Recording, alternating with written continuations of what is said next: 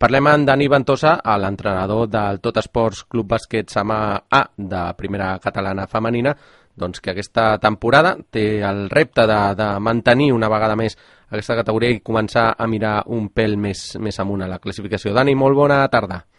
Hola, molt bona tarda. Doncs una mica això, eh, quin és l'objectiu per aquesta temporada? Eh, altes, baixes, com, com heu començat? Heu començat a entrenar ja? Sí, vam començar el dimarts passat i bé, hem estat entrenant durant cinc dies seguits i avui ens hi tornarem a posar. Uh -huh. Quines novetats presenta la plantilla respecte a la temporada passada? Bé, el, respecte a la temporada passada d'incorporacions eh, en fem poques perquè ja mitjans de temporada passada eh, moltes jugadores que eren d'edat júnior eh, van pujar al primer equip és a dir, que aquestes cinc jugadores que van pujar a mitja temporada eh, tindran fitxa del primer equip i després pujaran dues jugadores més que també provenen d'aquest júnior de l'any passat, que són la, la Laura i l'Ariadna.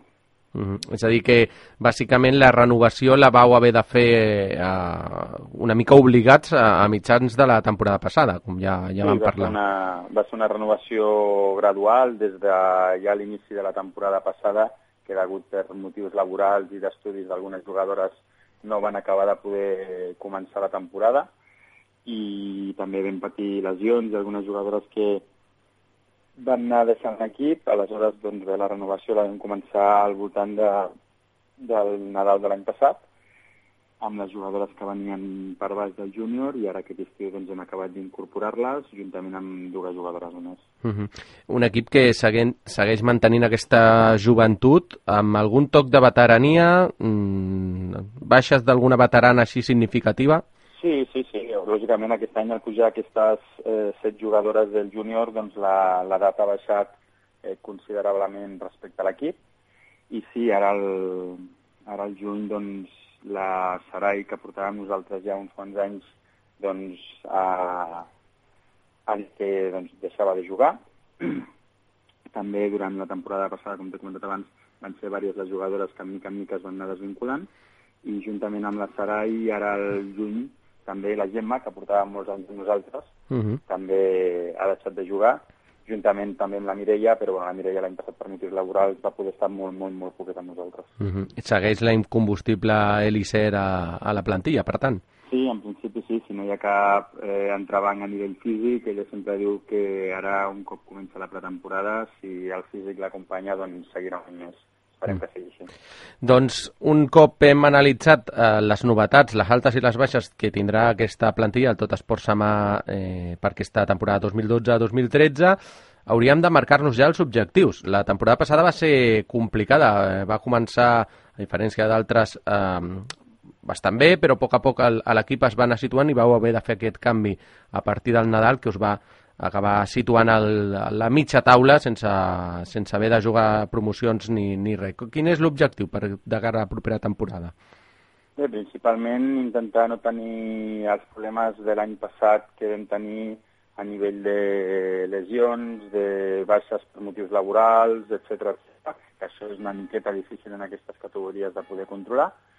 I el següent, el primer i bàsic, eh, intentar doncs, no patir tant com l'any passat, a partir d'aquí, doncs, a l'hora de...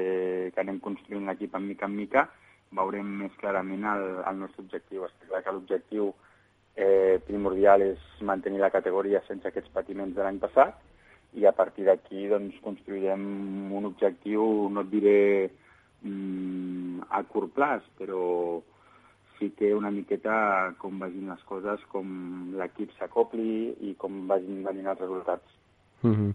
És a dir, anirem veient partit a partit, una mica les primeres jornades ens marcaran una mica eh, cap a on ha d'anar aquest equip, no? Si cap amunt o més aviat s'ha de marcar objectius més modestos, no?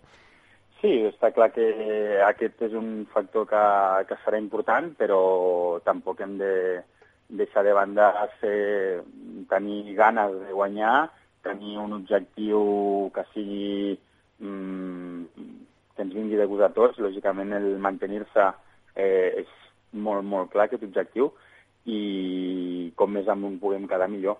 Uh -huh. mm, que dir una posició en aquest moment, doncs penso que no estem en disposició de dir-ho per tots aquests canvis, però crec molt amb, aquesta, amb aquest grup de jugadores, tant les que porten anys amb nosaltres com amb les que acaben de pujar, i jo penso que farem una molt, molt bona temporada. Doncs aquesta és la valoració d'un entrenador que ja portes eh, 4-5 temporades al capdavant d'aquest equip? Doncs serà la setena temporada ja. Setena. Serà la setena, sí. Perfecte, és a dir, estàs plenament assentat a un club que, a més, eh, s'ha quedat gairebé sol al panorama femení de, de bàsquet de la comarca del Garraf, no? amb els descensos de Vilanova i Sant Pere de Ribes, doncs eh, hi ha un salt molt gran des de tercera, que estan el gruix dels equips de la comarca, fins a primera, on està el Samà, no?